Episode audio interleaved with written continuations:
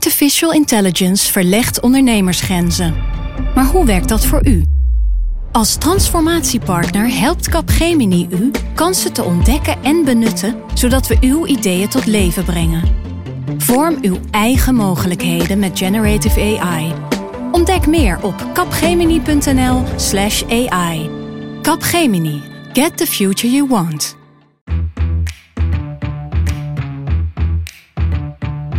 Dit is Haagse Zaken van NRC. Mijn naam is Lemia Aharwai.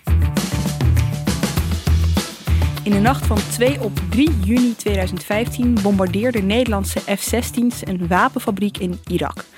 Daarbij vielen 70 burgerdoden. Lange tijd beweerde de politiek dat er geen sprake was van burgerdoden. Maar onderzoek van NRC en NOS legde in oktober bloot dat dit onjuiste informatie was. En sindsdien zijn er vier debatten geweest over de rol van Nederland bij deze bombardementen. In deze Haagse zaken duiken we in dit dossier. Wie wist wat op welk moment? Wie lichtte de Kamer verkeerd voor? En hoe kan het dat Nederland niet de juiste informatie had? Je hoort hoe het onderzoek naar de bombardementen in Hawija op gang kwam, welke informatie in debatten onjuist was over de meest recente bevindingen in het journalistieke onderzoek. En je hoort over de opstelling van zowel politiek als pers. En dat doe ik met bij mij in de studio Floor Boon. Floor, Hoi. hoe is het? Uh, nou, een beetje moe na een lang debat gisteren. Op, uh, we nemen nu op op vrijdag, gisteren was donderdag. En uh, ja, ze hebben gedebatteerd in de Kamer van... ze begonnen om half elf en hoe laat waren ze klaar? Half negen of zo? Denk Ja. ik, negen uur. Nu of half acht dan. Half acht. Nou ja, ik zie wel, zo erg ben ik de tijd kwijt. Maar het was een lang debat. Dus, en jij zit eh, dan dat hele debat. Was je echt in de Kamer aan het meekijken? Ja, ik heb gewoon eh, op de publieke tribune heb ik alles eh, zitten volgen. Op een gegeven moment was mijn eh, batterij van mijn laptop leeg. Dus ben ik even naar de redactie gegaan en het online verder gekeken. Zodat ik ook kon beg- beginnen met het tikken van het stuk, zeg maar. Maar het grootste deel in de Kamer, ja. En jouw eerste zin luidt, en dat toont ook wel aan hoe dat debat is afgelopen. Als ministers negen levens hebben, is minister Ank Bijleveld nu aan haar vijfde toe. Ze heeft het overleefd. Ja, maar dat was, eh, ja, ze heeft weer een motie van wantrouwen tegen zich eh, gekregen. Door twee mensen, of door één fractie minder gesteund dan in november. Toen kreeg ze er ook al eentje tegen zich. 69 stemden nu zeg maar voor die motie van wantrouwen. Maar het toont wel dat er dus echt een groot eh, gebrek aan vertrouwen in haar bestaat. Gaan we het straks uitgebreid over hebben. Even iets anders nog, want dit was het eerste grote plenaire debat. Ehm, sinds deze hele coronacrisis aan de hand is. Ja, dat is ook. eh, ja, hiervoor hadden we ons dat niet kunnen voorstellen, zeg maar. Ja. De agenda van de Tweede Kamer zat tot de nok toe vol. En ineens brak corona uit en eh, werd hij helemaal leeggeveegd. Maar dit was een onderwerp dat stond al heel lang gepland. En je, je, je zag ook opbouwen zeg maar, binnen die Kamerfracties. Van ja, we moeten op een gegeven moment hier ook weer over gaan, gaan praten. Ik bedoel, corona is ongelooflijk belangrijk. Maar er zijn ook andere dingen die eh, gewoon Ja. veel aandacht verdienen hier in het parlement. Ook bij ons aan tafel. eh, degene die dit dossier in eerste instantie aan het licht bracht. Samen met zijn collega Jannie Schippers en eh, de NOS. Kees Versteeg. Kees, welkom. Goedemorgen. We hadden het er net al eventjes over. Wij spraken elkaar ongeveer een jaar geleden. Het moet bijna precies een jaar geleden zijn, eigenlijk. Bijna precies. Ehm, tijdens het afscheidsfeest van Peet van der Meers, onze hoofddirecteur. Wat vertelde jij mij toen? Ja, het was een, eh, een mooi feest ergens in Amsterdam, ergens in de zomer. En toen spraken we elkaar. En toen was ik kennelijk al helemaal vol van dit onderwerp, van dit, eh, dit bombardement en de nasleep. We waren toen midden in het onderzoek, zaten we toen. En, Er ehm, was nog niks gepubliceerd dus. Er was nog niks gepubliceerd. We wisten ook nog helemaal niet of we zouden kunnen gaan publiceren. Maar even als ik het goed heb, was mijn collega Jannie Schipper, die correspondent is in het Midden-Oosten, was net in Irak geweest voor het onderzoek dat we deden naar Klopt, deze, naar deze ehm, ja, toch wel verschrikkelijke gebeurtenis. En ehm, eh, ja, ze had me daar eh, denk ik eh, over verteld en ik was er nog vol van. En toen kwam ik jou tegen. En uh, Toen kwam het er zo allemaal uit. Kennelijk staat je dat nog helder voor de geest. Ja, en eh, op dat moment was, was Jannie er net geweest. Dit onderzoek heb je voor een groot deel ook samen met de NOS gedaan, hè? Klopt, ja. Correspondent Lex eh, Rundekamp vertelde je me toen over. Die was ook daar geweest. Toen nog niet. Die zou later gaan. Die zou in september gaan. En ehm, die, die is er inderdaad eh, ook geweest. Overigens zijn ze geen van beiden eh, hebben ze echt, laten we zeggen, overnacht in. Hawija. Het was gewoon te gevaarlijk daar. Het is gewoon IS-gebied, nog steeds. Als je nu op Twitter Hawija eh, inklikt eh, in het eh, zoekvenster, dan vind je nog steeds dat IS-eenheden actief zijn daar. Dat was toen dus ook. Dus ze zijn in eerste instantie naar Kirkuk gegaan. En eh, vanuit Kirkuk heeft Janni haar onderzoek gedaan door mensen uit Hawija naar Kirkuk te laten komen. zo ongeveer 60 kilometer daar vandaan. En Lex is wel daadwerkelijk in Hawija geweest. Wat ook heel nodig was, want die moest natuurlijk ook daar een filmreportage maken. Die moest daar gewoon beelden kunnen laten zien van de ravage die er nog steeds is tot op de dag van vandaag. Dus de, de, de, zeg maar letterlijk de, de, waar de bom heeft ingeslagen, de, het puin, dat ligt er nog steeds. Het puin. En je ziet ook nog steeds de opgestapelde auto's. Die destijds bedoeld waren om volgestouwd te worden met explosieven. En dan in te rijden op het Iraakse leger, Koerdische eenheden en dergelijke. Ja, bizar. Ik sprak ook uh, afgelopen woensdag was er een uh, ja, soort informele bijeenkomst met een van de ja, ooggetuigen, zeg maar, slachtoffers ook. Een man die uh, per toeval in Nederland terecht is gekomen, en, maar in Hawija woonde tijdens de bomaanslag met zijn vijf kinderen en zijn vrouw. En hij vertelde van ze wonen twee kilometer verderop. Nou ja, zijn huis stortte in, zijn vrouw raakte gewond, zijn zoon raakte blind aan één oog. En zijn advocaat was er ook bij, maar die vertelde ook dat ja, er, zijn, er zijn zoveel huizen met de grond gelijk gemaakt daar. Er zijn gewoon heel veel. Ja, het is gewoon onduidelijk hoeveel mensen daar uiteindelijk misschien wel nooit meer onder dat puin vandaan uh, zijn ja. gekomen. Ja. Oké, okay. wij hadden het, uh, Floor, over dit onderwerp in december tijdens de eindejaarsaflevering. Toen was er ook net een debat geweest met uh, Ank Bijleveld. En toen dachten we, nou ja, dit zal voorlopig wel het laatste debat zijn geweest. Had je dat gehoord, Kees? Klopt, ja. Wat dacht jij toen? Zeker, ik heb dat debat, ik heb toen die podcast, zoals jullie podcast sowieso, natuurlijk met veel belangstelling beluisterd. En toen was er al een soort voorzichtige inschatting. Dit is het in ieder geval voorlopig wel. Als ik even jullie goed ja. citeer, weet ik niet hoor. Ja.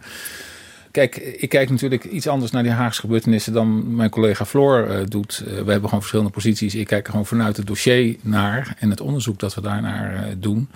En um, ja, ik op dat moment, dat was ergens half december denk ik, dat die podcast was, ja. waren, zaten wij nog vol in ons vervolgonderzoek. En ja, je hebt natuurlijk allemaal, allemaal hengels uitgegooid overal. Uh, op allerlei plekken. En je hoopt dat daar ooit een keer een vis nog uh, aan het haakje komt. En daar zaten we toen middenin. Ja, nou ja, dat, die vis was in dit geval dus een WOP-verzoek. En, nou, meerdere WOP-verzoeken, zowel ja. in Nederland als in de Verenigde Staten. Ja, en er is er één geweest waar inderdaad wel een grote vis aan bleek te hangen, toch? Nou, er waren allebei meerdere vissen. Wel. Ja, ja zeker. allebei wel. Ja, er waren, laten we zeggen, in februari uh, zijn de Nederlandse WOP-verzoeken vrijgekomen. Die waren al interessant. We hebben toen vijf ministeries, uh, als ik het er wel heb, hebben we bevraagd. Uh, waarbij met name Algemene Zaken, het ministerie van Mark Rutte, helemaal nul op het request gaf. Mm -hmm. Heel interessant om te zien. Ja, die gaven echt twee zinnen uitleg waarom ze die zeiden: we gaan geen informatie verstrekken, punt. Defensie uh, zette die punt pas veel later. Die heeft wel documenten ge -hmm. gegeven aan, aan ons. Uh, maar wat ook vooral heel interessant was, wat het OM deed. Het OM, het Openbaar Ministerie, heeft onderzoek gedaan uh, destijds al, in 2016, naar de rechtmatigheid van de aanval.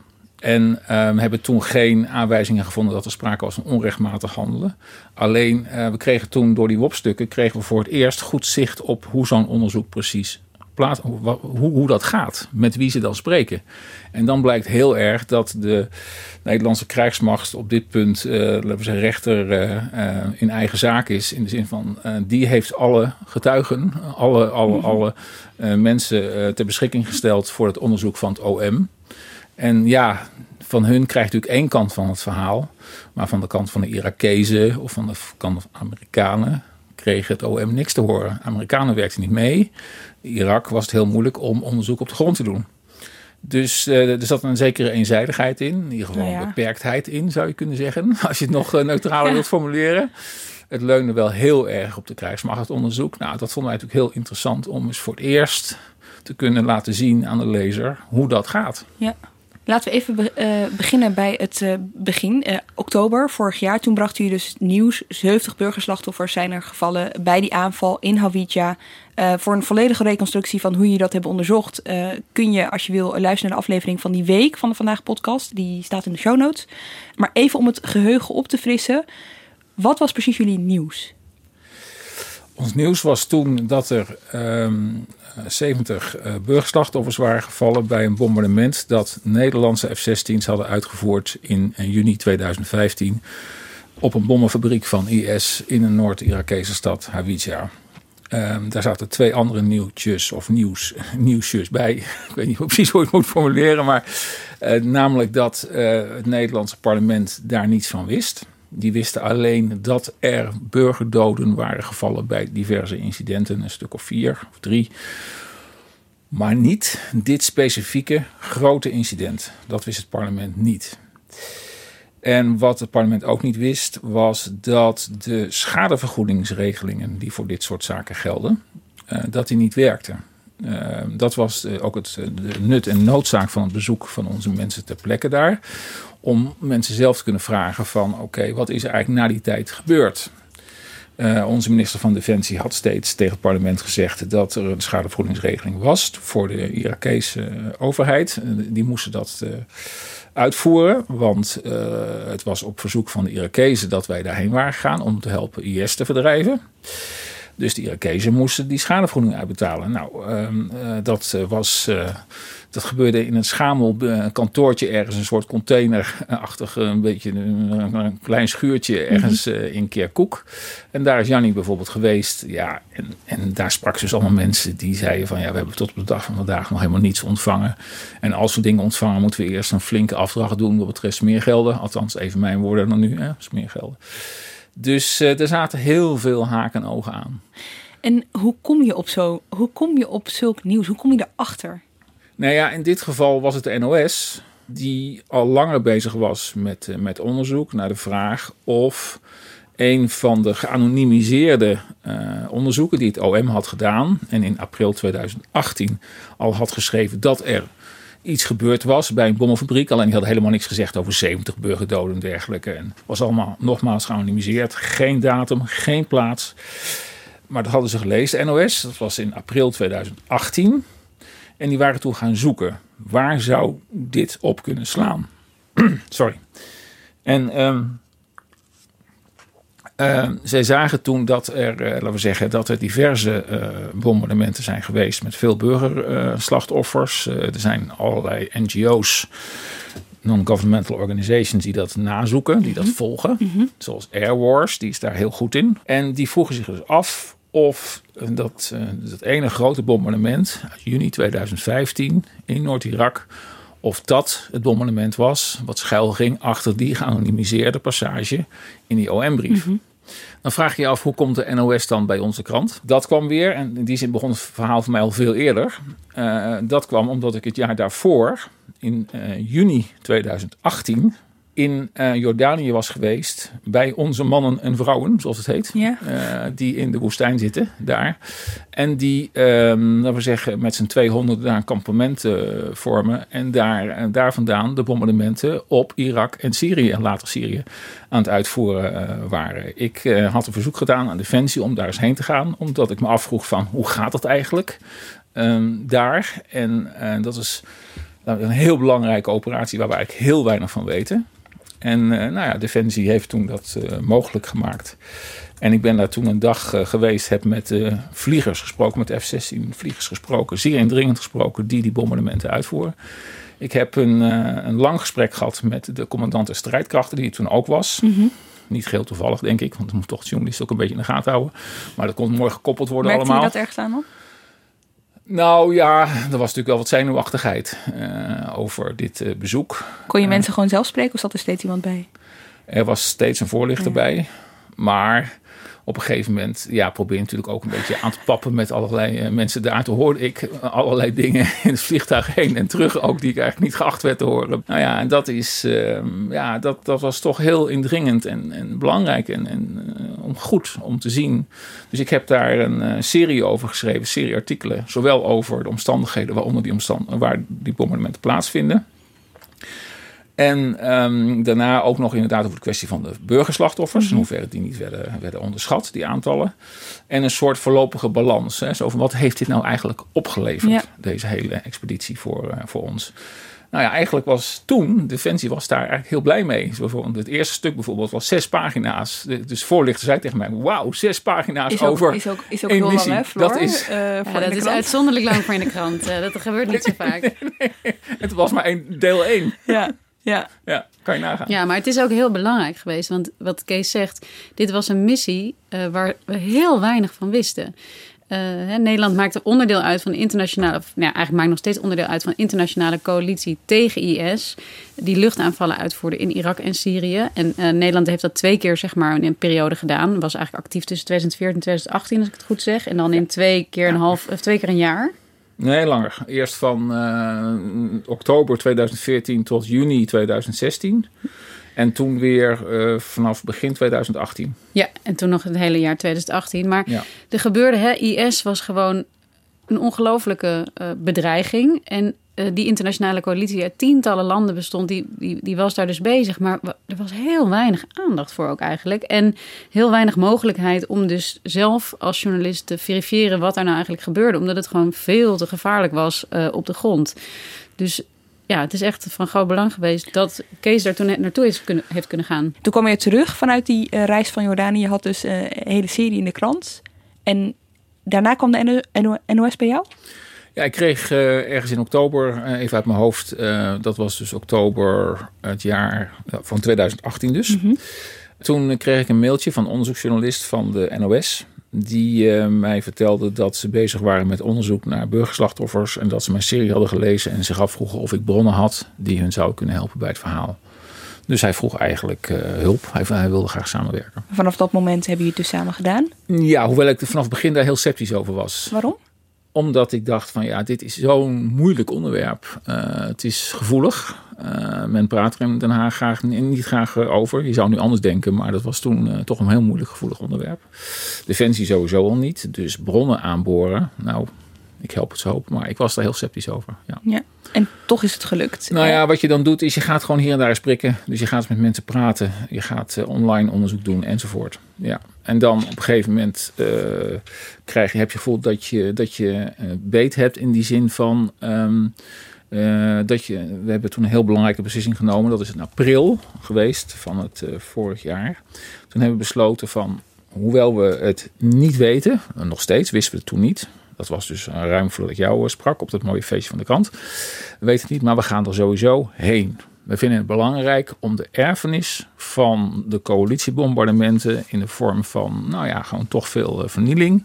Waar overigens de commandant de strijdkrachten zich ook heel erg druk over maakte. Die vond dat er veel moest gebeuren aan wederopbouw. Vond hij ook al, had hij tegen me gezegd in een lange autorit van Amman naar de basis. En eh, nou ja, die erfenis die willen we gewoon in beeld brengen. Ja. Ongeacht of nou Nederland erbij betrokken was eh, of niet. Amerikaanse journalisten waren daar al veel langer mee bezig. Wij vonden we gaan het sowieso doen. En dat is een keerpunt geweest in ons onderzoek. Want daardoor konden we eh, ook mensen laten zien van... hé, hey, ze nemen het wel heel serieus. We gaan erheen, gevaarlijk gebied. Maar we gaan het toch eh, doen. Dat heeft mijn collega Jannie Schipper Ja. dus gedaan. Ja. Enzovoort. Nou, en dat is dus ook gelukt, want op 18 oktober 2019 bracht u dus dat nieuws. Hoe werd dat ontvangen in Den Haag, Floor?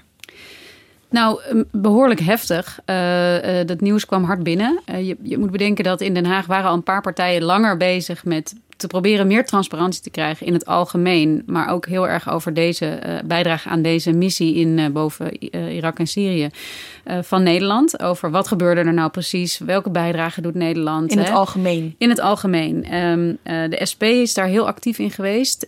maar ook D66 al. Die trokken bijna ook een beetje samen op. En dat is nou ja, een ongebruikelijke combinatie van oppositiepartij en coalitiepartij. Ehm, dus eh, dit nieuws kwam in oktober. En je moet bedenken dat eh Bijleveld, de minister, die, die, had al, die zei de hele tijd dat ze zelf stappen aan het zetten was om meer om transparanter te gaan zijn over wat er, hè, ook over burgerslachtoffers die vielen, over nou ja, de, de, de, de, de lelijke kanten zeg maar, van deelnemen aan militaire missies. Je hebt het over Ank Bijleveld, CDA-minister van Defensie. Daar hebben Ja. we het over, ja, precies. Dus eh, ja, nee, daar werd, daar werd vrij heftig op gereageerd. Ehm, en die minister heeft ook echt nog een paar weken genomen voordat ze erop reageerde. Eh, nog drie weken of zo, voordat zij zelf met een brief eh, eh, naar de Tweede Kamer stuurde. En daarin eigenlijk dus erkende ja, wat Kees en Jannie en NOS opschreven. En dat was voor het eerst dat Nederland dat op die manier ook zo erkende. Ja, maar wat er dus je zou denken hoopvol begin, hè? Eh, lekker transparant. Eh, Bijleveld die deelt iets met de Kamer wat in, in eerdere gevallen misschien niet het geval zou zijn. Kijk, Bijleveld zei toen ook al van... ik was het al van plan geweest om dit te gaan delen. Maar dat is ook maar zeer de vraag. Want eh, eh, zeg maar tussen de publicatie eh, over dit bombardement... en de brief aan de Kamer... heeft ze zelf, is ze nog met de vliegers gaan praten. De F-16-piloten. En toen zei ze van ja, ik moet ook nog met de vliegers praten... want het is belangrijk dat zij... Hè, ze wilden hun rugdekking geven... dat juist die mensen die die bombardementen uitvoeren... niet ervan beschuldigd worden dat ze iets slechts hebben gedaan, zeg maar... Maar ja, weet je, als je al zegt dat je al van plan was om te gaan informeren en daarna pas nadat de media daarover publiceren uh, met je eigen vliegers gaat, gaat praten, dat, ja, dat roept in ieder geval vragen op. En in die brief deed ze een paar dingen. Ze erkende de betrokkenheid van Nederland bij Hawija. Ze erkende ook dat er in Mosul op een ander moment uh, vier burgerdoden zijn gevallen. En ze deed nog iets. Ze zei ook meteen in die eerste brief dat haar voorganger, minister Janine Hennis van de VVD, uh, de voor, in het kabinet Rutte 2 minister van Defensie, dat, die, dat ze erachter was gekomen dat Hennis de, de Kamer onjuist geïnformeerd had in 2015. En dat grappig genoeg eh, had een week daarvoor had een redacteur van ons, Mark Kranenburg, die ook wel eens een Haagse zaak zit, die had dat uh, al opgeschreven in een, uh, in, in een stuk in NRC, in een, in een hoofdartikel. Ja. Nieuws in een hoofdartikel. Ja, nieuws in een hoofdartikel. Dat is echt enorm groot geworden daarna. Maar met deze elementen, zeg maar, begon eigenlijk het politieke proces. Um, nou ja, en daarvan kunnen we ons nog steeds zeer afvragen of het afgelopen is. Ik, ik denk het niet eigenlijk. Ja, en dan, en dan volgt daarna, ik, ik noemde aan het begin al debat na debat, hè, volgt elkaar op. En wat interessant is, is dat het eigenlijk steeds minder gaat over die burgerdoden, maar steeds meer gaat over de positie van Ank Bijleveld en wat zij de Kamer wel of niet vertelt en wanneer ze dat doet. Ja, dat klopt. Maar die dingen hangen natuurlijk ook wel met elkaar samen. Hè? Dus het, het wordt zeg maar, ik kan me voorstellen voor een buitenstaander wordt het een vrij, uh, hè, waar, waar hebben we het nou eigenlijk nog over? Hoe goed heeft de minister de Kamer geïnformeerd? Maar wat je eigenlijk uh, gisteren bij het debat, op donderdag bij het debat, goed zag, is dat, kijk, het fundament van deze debatten, die gaat wel hierover. Kijk, uh, Salima Belhay van D66 zei daar overigens iets uh, interessants over. Nederland moet volwassen worden als het gaat hoe men omgaat met missies en als er dingen misgaan. En dat kost soms meer tijd en daarom stel ik de inhoud centraal. Dat is mijn smaak om te komen tot vooruitgang. Maar wel eerst weten wat is er gebeurd. Kijk, uh, het gaat erom, wat weet het Nederlandse parlement? Hoeveel informatie krijgen ze over wat de Nederlandse krijgsmacht uitvoert in oorlogsgebied, elders, om ook te kunnen controleren of het rechtmatig is wat daar gebeurt, of de juiste beslissingen worden gemaakt, hè, of uh, de bijdrage van, of de Nederlandse inzet, zeg maar, of die uh, of die juridisch sluitend is. Eigenlijk alle dingen die je nodig hebt om als parlement te kunnen weten en te kunnen wegen. Uh, wat je ministerie van Defensie doet en waar, heb je informatie nodig. En daarvoor heb je de minister nodig, want die heeft die informatie. Dus hè, het, het, het, ging over de informatiepositie van de Kamer. Maar mm -hmm. daarin gaat het natuurlijk uiteindelijk om de vraag: waarom is dat zo belangrijk? Omdat het parlement daarmee de enige manier is om de regering te kunnen controleren. Ja. Ja. Tegelijkertijd heb ik ook gemerkt toen ik in Jordanië was, uh, heeft Defensie helemaal geen behoefte aan zoveel parlementaire bemoeienis. Nee, dat nee, merk nee, je nee, aan nooit. alle kanten. En dat merk je ook. Toen, toen ik daar was, merkte ik dat ook. Uh, er is één grote nachtmerrie voor elke vlieger. En dat is, zoals iemand mij zei, dat hij met een uh, bijbeldik boek, uh, volgeschreven door de SP, met allemaal regeltjes wat wel en niet mag, daar moet gaan bombarderen wel uh, IS-strijders uh, die met wapens uh, iemand te lijf gaan, maar geen IS-strijder die alleen een vlag laat zien. Geen olierafnaderijen, want dan kun je een milieuramp veroorzaken. Geen oude gebouwen, want die hebben antiquarische waarde, enzovoort, enzovoort. Er zijn heel veel regels nu al.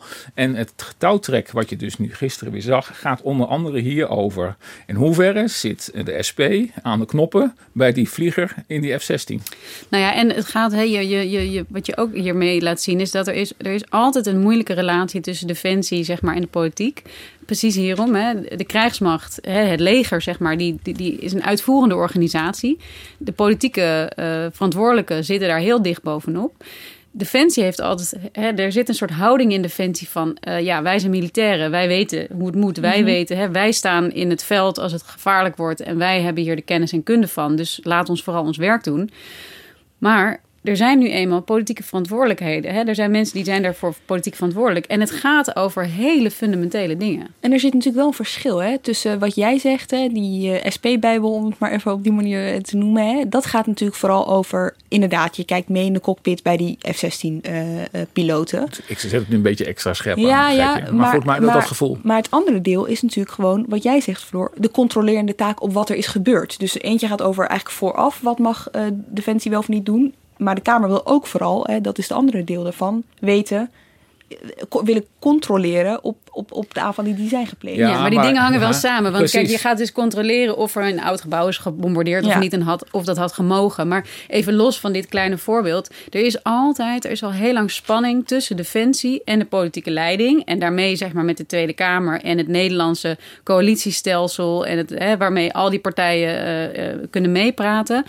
En eh, eh, Defensie heeft ook, heeft ook de reputatie dat het een vrij gesloten eh, bolwerk is, waarbij mensen, ja, transparantie wordt eerder gezien als iets wat in de weg staat van hun werk, zeg maar, dan dat het ze helpt. Dus ehm, toen Ank Bijleveld aantrad in eind 2017, toen zei ze dat ze een transparanter beleid wilde gaan voeren. Nou, dat heeft ze in het debat van donderdag ook heel erg vaak herhaald. Voor een deel heeft ze daar ook echt wel zeker stappen in gezet. Maar ze, ze, kan dat niet zomaar. Want ze heeft ook een ministerie dat zich daar helemaal niet op voorbereid is om dat te doen. Die zijn helemaal niet toegerust in eerste instantie. En het is niet hun mentaliteit om open te eh, eh, maken, zeg maar, wat altijd gesloten was. Ja. Ook omdat het gaat over operationele informatie. Die, hè, het gaat over de veiligheid van mensen. Het gaat over bondgenootschappen. Het gaat over dat je nooit de vijand in je eigen kaarten moet laten kijken. Dus die dingen spelen ook allemaal een rol. Precies, dat laatste is een heel goede toevoeging van Floor. Want eh, je opereert in een omgeving eh, waar andere eisen zijn dan in een nationale context. Kijk, als hier een, een kraan bijvoorbeeld naar beneden komt eh, vallen, even, even huiselijk gezegd, en dan vallen hier doden. En dan heb je gewoon, kun je, zeggen, in een gecontroleerde omgeving eh, kun je onderzoek eh, doen. Maar dat kan daar eh, niet. En je hebt daar een vijand die inderdaad niet in de kaart wil laten kijken. Je hebt te maken met de veiligheid van de vliegers. Dat is geen abstractie, dat is echt een reëel punt. Ehm, ik, toen ik mijn verhaal maakte over die, eh, over die eh, militairen in Jordanië, toen stuitte ik erop dat de Russen eh, vrouwen van vliegers van Amerikaanse F-16's eh, hebben, eh, hun telefoon hebben gehackt. Deden alsof ze, alsof ze jihadisten waren en hebben hun bedreigd. En er is ook een voorbeeld, geloof ik, zelfs van Nederlandse ehm, vrouwen van vliegers, van F-16 vliegers die in Litouwen Ja, niet eens, waren. van, niet eens van F-16-vliegers, maar er zijn gewoon het thuisfront van Nederlandse militairen Ja. in Litouwen. Ja. Daar ben ik dus geweest en dat heb ik gehoord. Precies. Dus dat, daar Ja. gebeurt precies hetzelfde. Ja, dus, nou ja, dat is ook een goed voorbeeld van dat het geen abstractie is, maar dat het echt reëel alleen het punt is. Eh, maak je daar misbruik van of niet als defensieorganisatie? En er zijn te veel signalen dat dat wel gebeurde. Want ook toen die vliegers veilig en wel in Nederland terug waren, toen nog wilde Defensie niets vertellen over dit onderwerp. Het is misschien wel goed om eventjes die, die, die, eh, die eh, informatievoorziening aan de Kamer, want we hebben het steeds over informatie, om dat, om dat even te vertellen. Waar, waar, waar gaat dat eigenlijk over? Eh, en dan begint het eigenlijk al, je noemde haar net al eventjes bij Hennis hè, in 2015. Hoe ging dat? Ja, eh, minister Hennis was, eh, of eh, Janine Hennis was minister van Defensie. Dit bombardement vond plaats begin juni 2015. En vlak daarna heeft zij in antwoord op vragen van een vaste commissie voor buitenlandse zaken, hè, dat gebeurt heel vaak, er werden vragen gesteld Kamerleden over zijn dat, hè? ja, dat zijn Tweede Kamerleden over de bestrijding van internationale terrorisme. En eh, vraag nummer 56 was: Is er sprake van mogelijke Nederlandse betrokkenheid bij burgerslachtoffers door luchtaanvallen in Irak? En nou, daar zat een heel geschreven antwoord, maar één van de zinnen die daarin stond was: Voor zover op dit moment bekend is er geen sprake geweest van Nederlandse betrokkenheid bij burgerslachtoffers door luchtaanvallen in Irak. En dat bleek achteraf was feitelijk onjuist. Ze wist het wel. Zij wist het wel. Dat weten we inmiddels ook hè, met alle WOP-verzoeken die die zijn sterke gedaan. aanwijzingen. Ja, ze had sterke aanwijzingen. Er is, en misschien is dat ook even heel goed om nog te zeggen van tevoren, is dat toen die luchtaanval plaatsvond, in die nacht van 2 op 3 juni, er werd een bommenfabriek gebombardeerd, maar er bleek dus veel meer explosieven in die bommenfabriek te liggen dan verwacht. Daardoor viel die explosie zoveel groter uit. En de secundaire explosies, zoals ze dat noemen, waren veel groter. En daardoor werden er, nou ja, waarschijnlijk zeker 400 huizen, gewoon hè, woningen, gewoon met de grond gelijk gemaakt. Het lag 150 meter naast een woonwijk. Maar het was IS-gebied, hartstikke gevaarlijk. En toen zijn er in die tijd zijn er een aantal eh, eh, media naar buiten gekomen. Reuters sprak van 70 burgerdoden. Maar ook een Koerdisch station, Rudo. Het Rode Kruis sprak zelfs van 150 tot Ja, niet meer 170 nog. Ja, doden. ja. Dus, eh, maar dat waren allemaal onbevestigde, of onbevestigde, dat is een gek term, maar in ieder geval door die internationale coalitie zelf niet geverifieerde cijfers. Nou, deels geverifieerd. De Amerikanen hebben ons later verteld dat ze wel degelijk al vrij snel informatie hadden. Via hun militaire satellieten, via hun verkenningsvliegtuigen, via hun drones en via informanten ter plekke. Mm. Durfden zij het aan om al vrij snel te gaan spreken over 70 uh, burgerslachtoffers. Waarschijnlijk was dat een soort minimum zelfs. Ja, nou, dat is wat blijkt. Maar, het, het, zeg maar in die coalitierapporten is het nou ja, dat is nog weer een ander onderdeel van deze hele kwestie. Maar het is nooit officieel. Hè. Ze hebben altijd gesproken van zeer waarschijnlijk. Het is zeer waarschijnlijk dat er slachtoffers zijn. Is er een reden dat Hennis de Kamer op dat moment verkeerd informeerde? Heb je, valt er iets over te zeggen? Verzorg gaat niet diep zuchten. ja, dit is, vragen. Ja, dit is, dit is echt een hele ingewikkelde vraag. We weten het eigenlijk niet. Uh, hè, dit werd een hele kwestie. Minister Hennis heeft de Kamer verkeerd geïnformeerd in het eerste debat dat met de Kamer en minister Bijleveld werd gevoerd, werd ook veelvuldig verwezen naar minister Hennis. Hennis heeft, hè, die is nu uh, speciaal gezant voor de VN in Irak, notabene. Dus die, die, woont in Bagdad en die heeft daar een hele andere positie, maar uh, in het land waar dit over gaat, zeg maar. Dus die zat ook met haar veiligheid, um, wilde ze niet te veel naar buiten komen. En nou ja, dit ging over, over lang geleden. Maar zij heeft gezegd dat Mark Rutte vermoedelijk door haar op de hoogte is gesteld. Uh, maar dat het allemaal niet alarmerend was. Dus zij zegt van ja, we wisten het. Uh, ambtelijk wisten we het. Dit is een politieke uitleg. Ik wil net zeggen, wat betekent dit? Ja. Hier wordt het ingewikkeld. Of in ieder geval, het wordt heel erg technisch eigenlijk. Dus uh, wat er gebeurt in dit soort kwesties is... er worden rapporten opgesteld na een aanval. Daarin wordt gesproken van vermoedelijke slachtoffers. Die rapporten worden gedeeld met de stuurgroep missies en operaties. is een belangrijke ambt. Er zitten ambtenaren in van verschillende ministeries. Van het ministerie van Buitenlandse Zaken, van het ministerie van Algemene Zaken, het ministerie van Defensie. Dat gebeurt na zo'n bombardement. Na zo'n bombardement. En dat is een, een, een, een belangrijke uh, groep mensen van het ministerie van, de, uh, van, of eigenlijk van het kabinet. en justitie zit er ook bij. Justitie zit er ook bij. En die krijgen die informatie.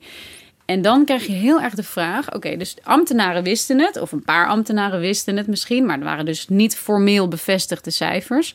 En dan is de vraag: wat wisten de bewindspersonen zelf? Is het hun verteld?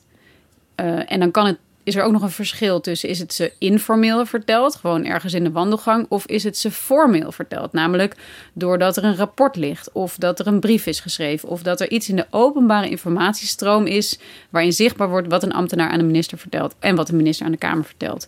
Dus wat en hoe precies minister Hennis toen wist, en waarom ze dit antwoord heeft gegeven, wat overigens ook door haar ambtenaren is opgeschreven, dat is nooit helemaal opgehelderd. Ja. Um, Hè, dit, er is altijd gezegd van uh, ja. Precies wat je net zei, dat, uh, dat het niet alarmerend was. Uh, ja. Dat ze wel inderdaad zich van kan herinneren. Maar dat het voorlopig was, dat er verder onderzoek zou worden gedaan, dat niks zeker was. Enzovoort. Wat ze natuurlijk niet erbij zei, was dat het ook heel onwelkom nieuws was. Het was gewoon slecht nieuws. Het is gewoon vervelend nieuws. En je, want je, je moet daar dan iets, uh, iets mee. Dus zodra als jij kans ziet, een, een, een, muizengaatje ziet om te zeggen: Oh ja, nee, maar het is nog helemaal niet zeker dat er 70 burgers zijn gevallen. En de Amerikanen die gaan altijd nader onderzoek doen, hadden ze ook gezegd. Hè, we gaan het verder uitzoeken. Nou, laten we dan daar in vredesnaam echt even op wachten. Dus ja, dat is natuurlijk ook een deel van het antwoord. Althans, dat patroon wat je nu ziet, dat voortdurend toch niet echt willen weten wat er gebeurd is, dat zag je toen ook al. Uh, kwade tongen beweren dat er uh, tegen die tijd was er ook een verlenging van een missie, toch? Ergens. En dat dat daarmee te maken heeft gehad. Ja, dat is ook nog in eh, tijdens een debat ongeveer was dat informatie die GroenLinks toen ineens opduikelde dat er in die maanden, geloof juni of juli 2015, ook weer de verlenging van, uh, van deze missie uh, op tafel lag. Ja, kijk, er zijn zoveel brokjes informatie. Wij waren er niet bij. We weten nooit, kunnen nooit helemaal minutieus re reconstrueren wie wat nou ja. precies wist toen. He, je hebt dus die ambtelijke stroom, je hebt die politieke stromen. In ieder geval klopt het zeker wat Kees zegt, dat het gewoon onwelkome informatie was. En burgerdoden, zoveel burgerdoden, doden, dat wil niemand. Hè. Bedoel, ook, en dat is ook belangrijk om te zeggen, Defensie wil dit natuurlijk ook niet. Ik bedoel, nee. de mensen die het, hè, de, de, de, de vliegers willen dit ook. Niemand vindt dit een goede uitkomst.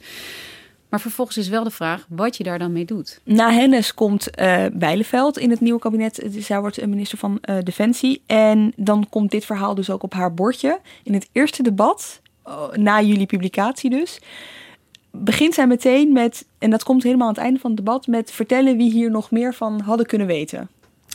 Ja, eigenlijk loopt ze een soort uh, wak in, zeg maar. Daar ook. Ik bedoel, uh, uh, Bijleveld is in dat, in dat debat aan het uitleggen. En die vertelt dat ze zelf transparanter had willen zijn. Ze biedt ook haar oprechte excuses aan voor wat er is gebeurd.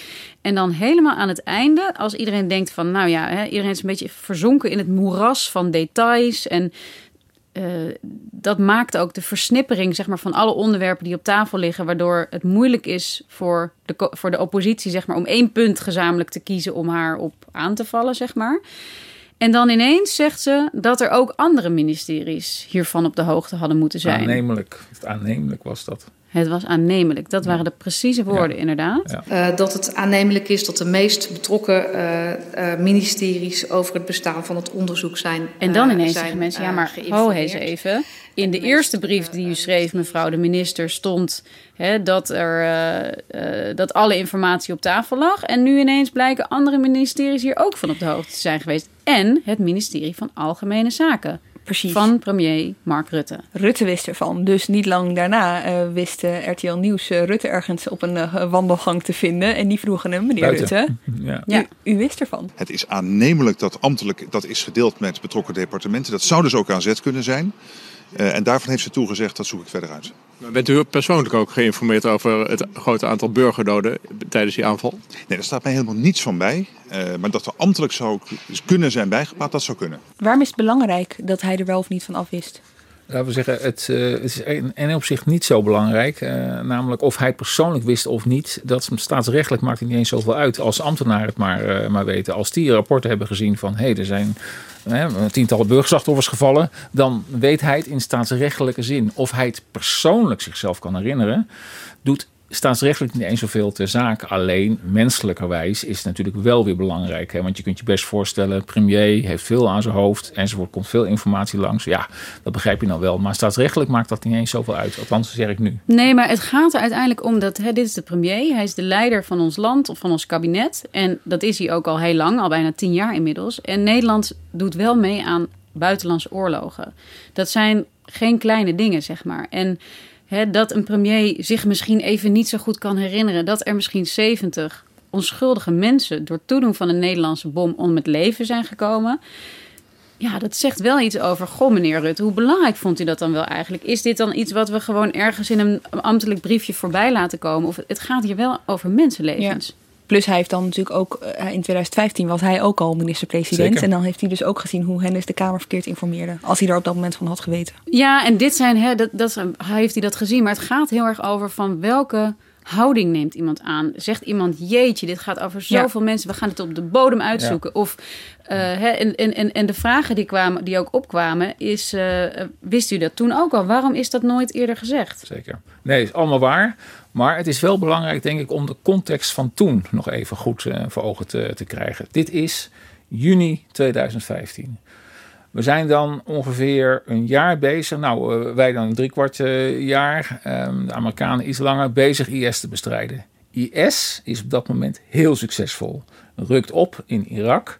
De aanslag op Charlie Hebdo is een paar maanden daarvoor geweest. Weliswaar niet door IS, maar de Al-Qaeda uh, gepleegd. Dus er is een heel ander klimaat. Ik denk dat je dat ook mee moet wegen in het uh, geheel van... Dan komt er een opmerking over uh, mogelijke burgerdoden. Mogelijk veel burgerdoden komt er bij de, bij de premier. Daar kijk je toch anders naar dan in de context van nu... waarin die strijd iets meer ja. achter ons ligt.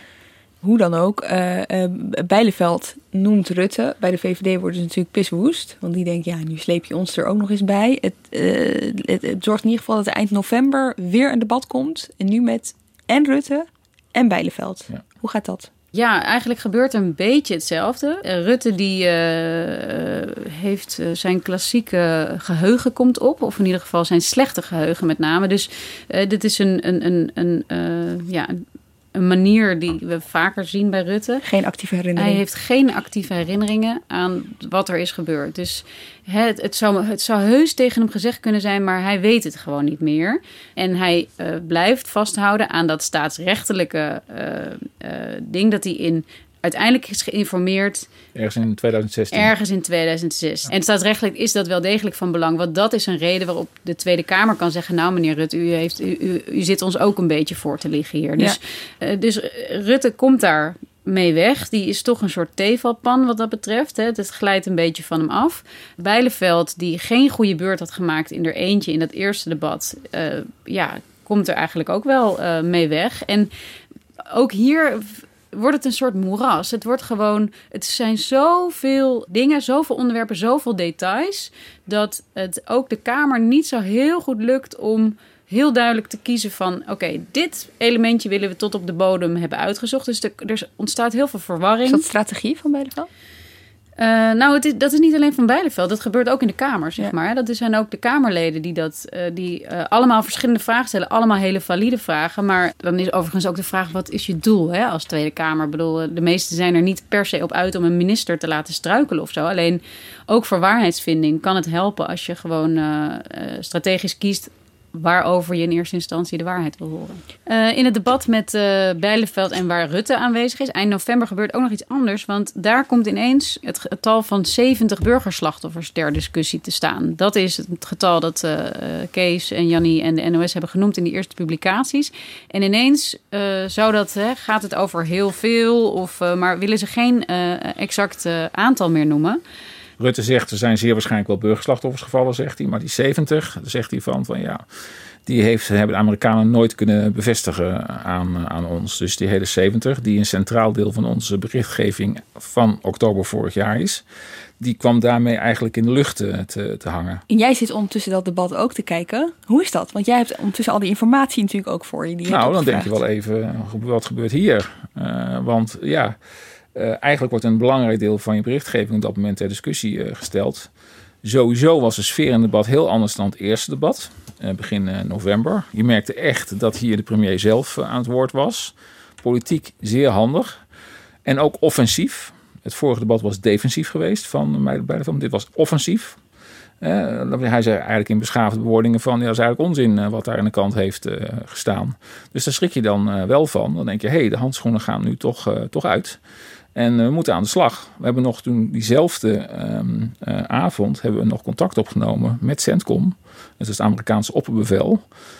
Uh, hebben we gemaild uh, om te kijken hoe zit dat nou met die, met die 70. Want jullie hebben ons, die 70, destijds hebben jullie ons bevestigd. Mm -hmm. En nu zegt Rutte van ja, maar daar klopt helemaal niks, niks van eigenlijk. Ik kreeg diezelfde avond nog, of die nacht, kreeg ik ook een sms'je van ook jouw bekende BNR Nieuwsradio. Die, uh, die zeiden van, uh, wat vind je ervan dat jouw verhaal over de 70 doden in Hawija gisteren in twijfel werd getrokken? To put it mildly. Dus dat kwam wel aan. Dus uh, ik was toen behoorlijk verkouden. Ik heb toen veel rondjes gedraaid in de huiskamer die vroege ochtend. Ik dacht, kan ik wel voor de radio mijn verhaal vertellen. Heb het toch gedaan, zonder in hoesbui uit te barsten. en uitgelegd waarom wij de 70 bleven. Hadden op dat moment nog geen contact gehad met Centcom. Er was namelijk... Was toen iets, een feestdag, waardoor we het niet mm -hmm. konden bereiken. Maar um, ja, wij, zei, wij zijn daar geweest. We hebben met de mensen gesproken. We zijn het ziekenhuis geweest. Uh, de Amerikanen hebben allerlei uh, verkenningsmiddelen om, um, die, om, om dat getal te ondersteunen. Dus wij blijven bij die 70. Maar toen merk je dus dat de, de, de, de inzet van het geheel werd verhoogd. Als het, het ware. scherper. Het werd scherper, ja. ja. ja. Rutte heeft ook na dat debat, ging hij nog bij BNR zeggen dat het die 70 waren geruchten waren. En dat het een irrelevant getal was. Dus hij gooide zelf ook eigenlijk. Hij stookte de boel daarmee ook op door het nog steviger aan te zetten. Ja. Dat het helemaal geen, uh, dat het niet bevestigd was. Maar dat motiveerde jullie dus weer om dat weer nog beter uit te gaan zoeken. Of eigenlijk om, om nog een keer bevestiging te gaan zoeken. En daar publiceerden jullie, neem ik aan, weer over. Ja, eigenlijk op een beetje vreemde, toevallige uh, manier. Want er was namelijk in, de, in, december was er weer een debat. Dat was inmiddels het derde Hawija-debat. Ja. De aanleiding was een onthulling van een ander medium. Uh, een radioprogramma, oh, even de naam kwijt. Die hadden geschreven van Beideveld heeft iets gezegd over een closure report. Over de Nieuwsbv was dat. De ja. Nieuwsbv, precies. Ja, ja. En, uh, en zij zegt dat er, Beideveld had gezegd dat er nooit een closure report was Wat geweest. Is dat? dat is een soort eindrapport. Over, na, hè? na een soort samenvattend eindrapport. Van oké, okay, dit zijn onze conclusies van ons onderzoek. Oh. Dat dat er nooit geweest was.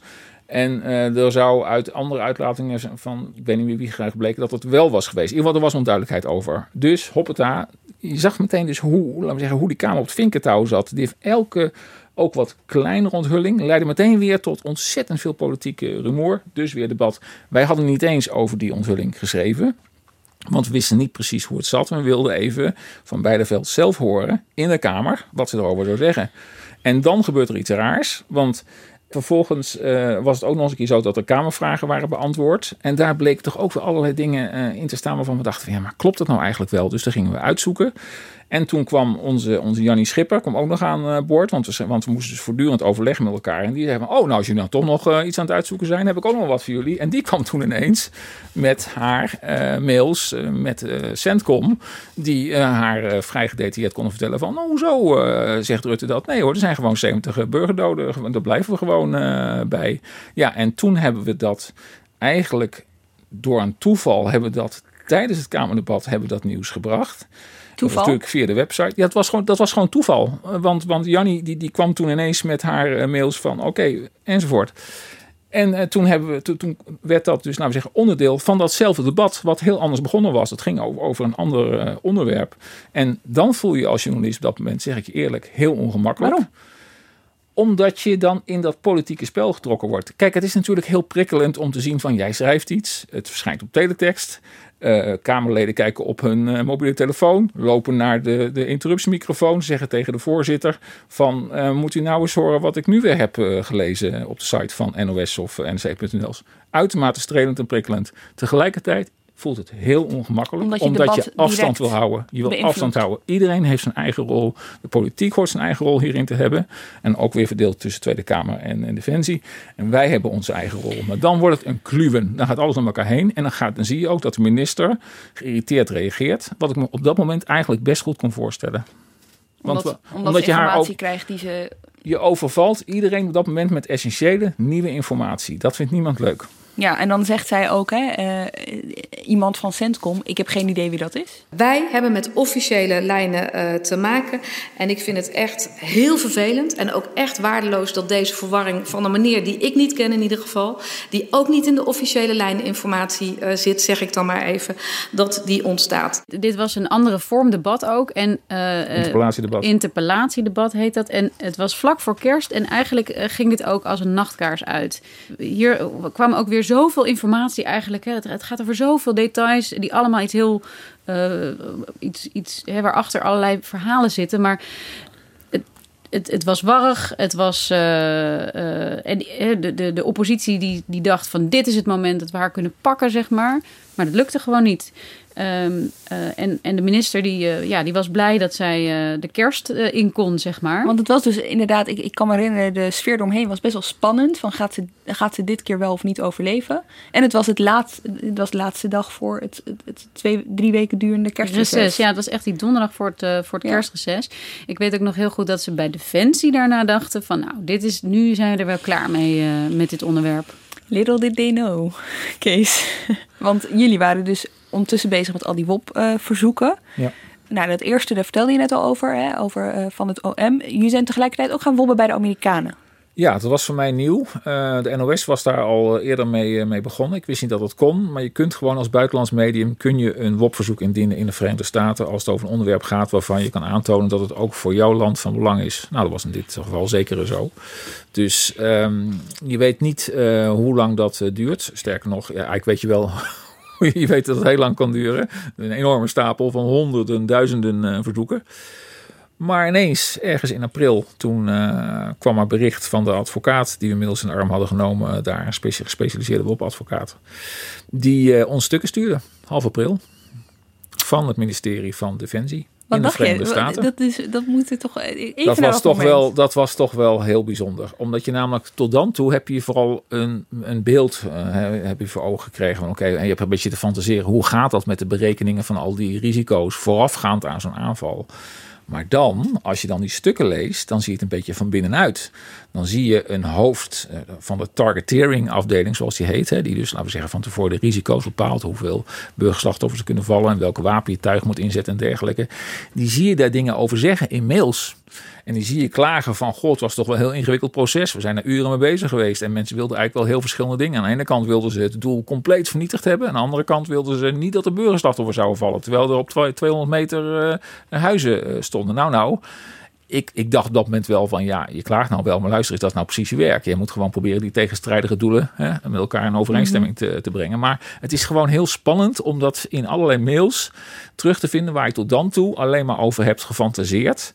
Uh, mede naar aanleiding van allerlei films uh, die je hebt gezien over dit, uh, dit nou, onderwerp. Noem ze een paar. De film die ik alle luisteraars aanraad is Eye in the Sky.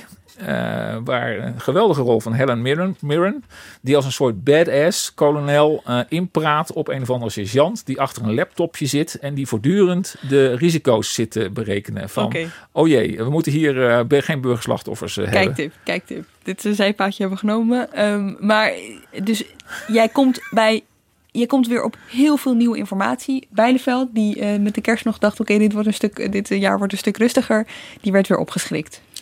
Die werd behoorlijk opgeschrikt, ja. ja uh, op zich, hè, de Kamerleden wisten ook al dat dit... De, bedoel, de, het was niet een soort uh, geheimpje van de journalisten inmiddels... dat er een, uh, een, een WOP-verzoek lag bij de Amerikanen. Kamerleden wisten ervan. Misschien wist het ministerie er ook wel van, van Defensie. Ja, ja. zeker. Dus um, zij zullen ook hun, hun inschatting hebben gemaakt. Want zij wisten voor een deel natuurlijk ook wel... wat er mogelijk in ieder geval naar buiten zou zijn gekomen. Maar wat er in ieder geval gebeurde hier... was dat er ook documenten aan deze journalisten werden gegeven, waar de Kamer eerder om had gevraagd bij de minister. En de minister kreeg ze niet van de Amerikaanse minister van hoe kan Defensie. dat? Dit, eh, kun je, kan iemand dit kort uitleggen hoe dit kan? Hoe dit werkt? Nou, dat heeft onder andere te maken met de werking van de Amerikaanse WOP. De Amerikaanse Wet op Openbaarheid Bestuur. Die geeft de pers in de Verenigde Staten over het algemeen net iets meer uh, mogelijkheden om interne stukken te krijgen dan in Nederland het uh, geval is. Dus um, nou ja, dat bleek dus hieruit.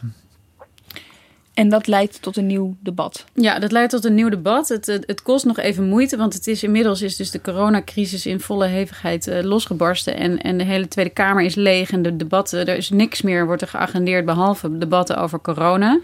En dan op een gegeven moment blijkt dat, dat, dat hier gewoon echt voldoende steun voor is. Dat eigenlijk alle partijen in de Tweede Kamer denken van ja, uh, hè, voor de zoveelste keer vragen wij hem informatie. We krijgen hem niet en we lezen het potverdorie wel in de media. Um, dus dan wordt uh, nou ja, het eerste debat na het meireces. Uh, en dat was afgelopen donderdag. En hoe ging dat? Ja, hoe ging dat? Het was een lang debat. Uh, hè, in het begin is, uh, is de minister best wel verweten dat ze niet. Uh, ja, had ze nog een beetje een iets te vrolijke en frivole houding, vonden veel Kamerleden. Van, hè, terwijl mensen dachten, het gaat hier toch wel over echt een tragische gebeurtenis. Bedoel je aan het begin van dit debat of aan het begin nee, van deze sorry, hele... in, aan het begin, in, in de eerste debatten. Daar heeft Bijleveld goed naar geluisterd. Dus ze was veel nederiger, zeg maar. Um, Zelfs aardig naar ons toe. Ze was aardig naar jullie.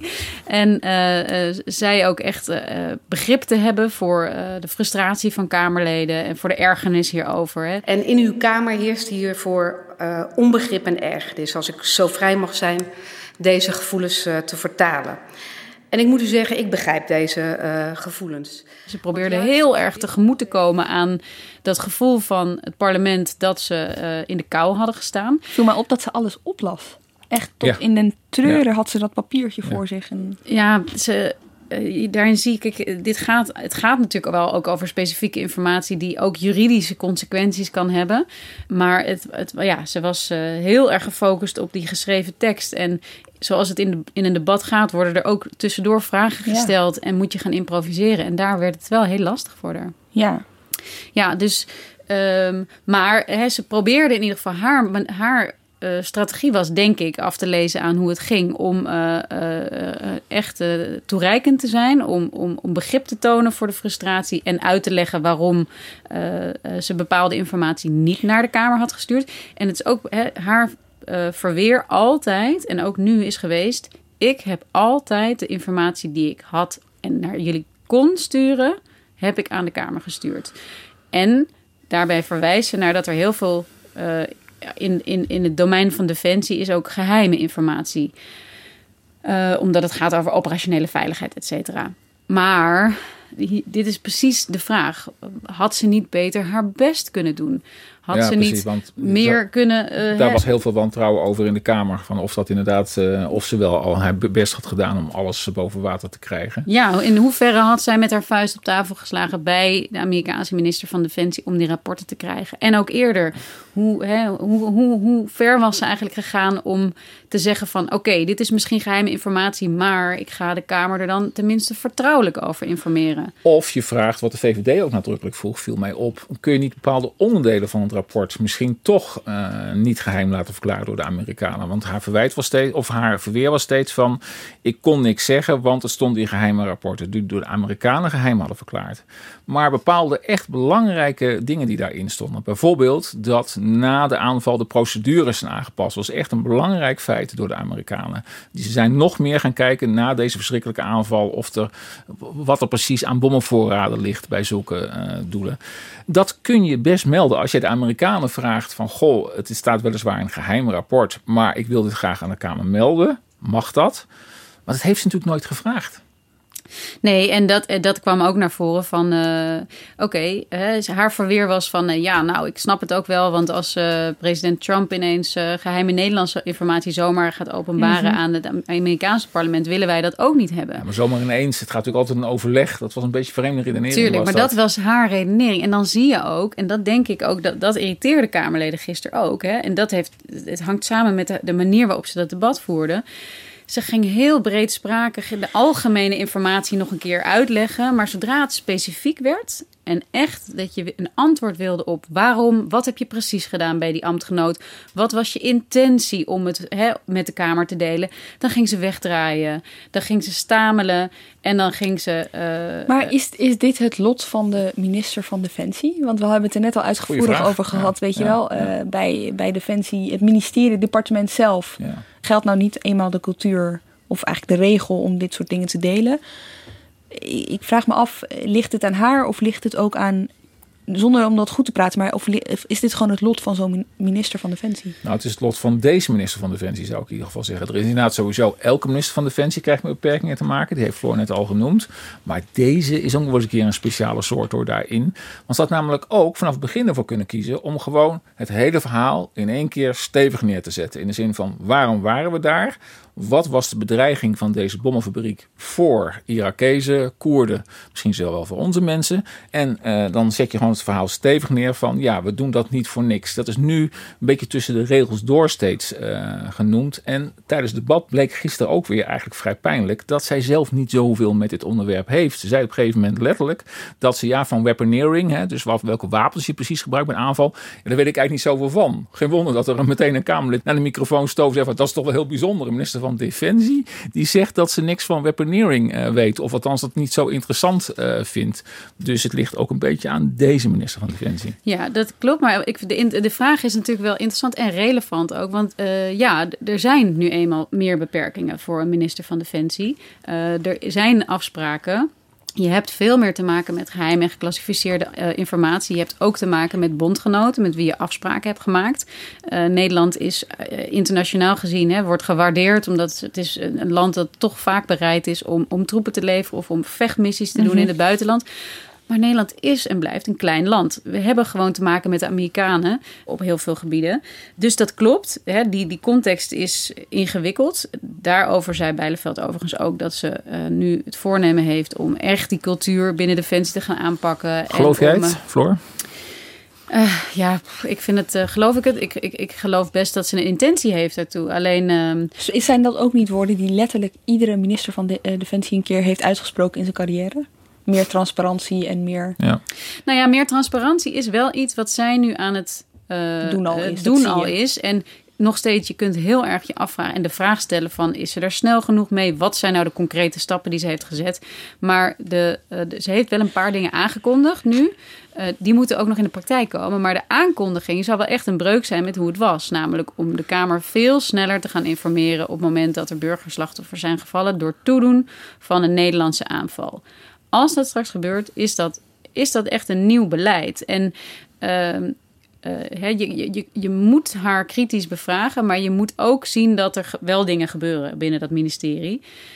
En dan kom je op de vraag: eh, zou iemand anders, of hè, zijn er andere ministers die dat steviger zouden kunnen aanpakken? Wellicht. Eh, dus het gaat ook over deze minister van Defensie. En dat is wel, dat geduld Ja. van die Kamer is ook wel echt op met deze minister van Defensie. Bijna op. Kun je, kun, je, kun je nou zeggen dat dit iets heeft veranderd? Dit hele, de, de, de afgelopen nou ja, maanden waarin eh, keer op keer iets werd aangetoond, waarin werd aangetoond Nou dat de ja, ik- minister de Kamer ook niet altijd even goed informeerde. Ik bedoel, gaat het iets veranderen dit? Ik ben er zelf een beetje sceptisch over. eh, als ik zie wat ze tot nu toe, laten we zeggen, in de praktijk heeft gedaan. Ze zegt veel dingen, ze, ze kondigt veel dingen aan. En ze heeft inderdaad, dat ben ik met Floor eens, heeft wel iets laten zien van die grotere transparantie. Alleen al door dit te bevestigen. En door ook wat gedetailleerdere rapportages te gaan sturen over de inzet eh, daar. Maar voor de rest is de basishouding nog steeds dat je weg wil blijven van slecht nieuws. eh, dat je naar de bekende weg soms vraagt. Dat je, eh, dat je vervelende informatie in partjes eh, hakt en dan aan de Kamer stuurt. En ja, als ik zo die praktijk van de afgelopen maanden zie, ben ik in ieder geval sceptisch over of er echt iets zal veranderen. Ja, Eh, ik ook. Ik ben ook sceptisch. Ik ben zeker sceptisch. Maar ik vind ook altijd dat je toch ook moet kijken wat er wel gebeurt. Eh, dat is ook onze plicht, zeg maar. En daar moeten we ook oog voor hebben. Ehm, eh, kijk, dat dit gebeurt en dat al deze debatten, deze grote debatten, dat het eerste grote debat na corona gaat over burgerslachtoffers, het toedoen van de Nederlandse avond, dat vertelt ook iets over het belang eh, dat partijen er nu aan hechten en het belang dat het parlement er in ieder geval aan hecht. Dus even los van hè, wat is daar op de korte termijn zichtbaar bij de minister of op het departement, dat zal moeten blijken, is er wel een bewustwording en eh, binnen het parlement over hoe belangrijk het is om over dit soort dingen goed geïnformeerd te raken. En Kees, zijn er nou nog eh, losse eindjes waarvan je denkt, hé, hey, hier ga ik me weer even op. Er zijn natuurlijk altijd, zonder dat ik er interessant over wil doen, maar er zijn natuurlijk altijd losse eindjes. Dat kan niet anders. Als je zoveel geïnvesteerd hebt in zo'n onderzoek, dan zijn er natuurlijk altijd dingen die je hebt laten liggen. En waarvan je zegt van, goh, misschien moeten we daar toch nog eens even naar, eh, naar kijken. En mocht het iets op- opleveren, dan melden we ons weer. Dus dit is niet het laatste debat per se voor Bijleveld hierover. Nou, de lat ligt denk ik nu wel heel hoog, eh, kan ik me voorstellen. Er moet echt wel iets bijzonders gebeuren, wil er weer zo'n plenair debat zijn. Maar goed, dat is, laten we zeggen, dat is voor ons minder interessant. Want wij zijn nog steeds benieuwd naar die ene vraag. Hoe heeft het kunnen gebeuren? Hoe heeft het kunnen gebeuren dat waar Nederland streeft naar zo min mogelijk burgerslachtoffers, sterker, de coalitie streeft naar zo min mogelijk burgerslachtoffers, dat er minstens 70 eh, doden eh, vallen? Dat blijft gewoon een intrigerende vraag en die zegt veel over eh, oorlogvoering. En daar willen we nog steeds alles over weten. Los van of het parlement daarover bijeen gaat komen of niet. Ik kijk uit naar jullie volgende stukken. Dank jullie wel, Floor Boon en Kees Versteeg. Dank ook voor het luisteren. Productie en redactie van deze aflevering waren in handen van Iris Verhulstonk. En volgende week zijn we er gewoon weer in je podcastfeed. Dus abonneer je als je dat nog niet hebt gedaan. Tot dan!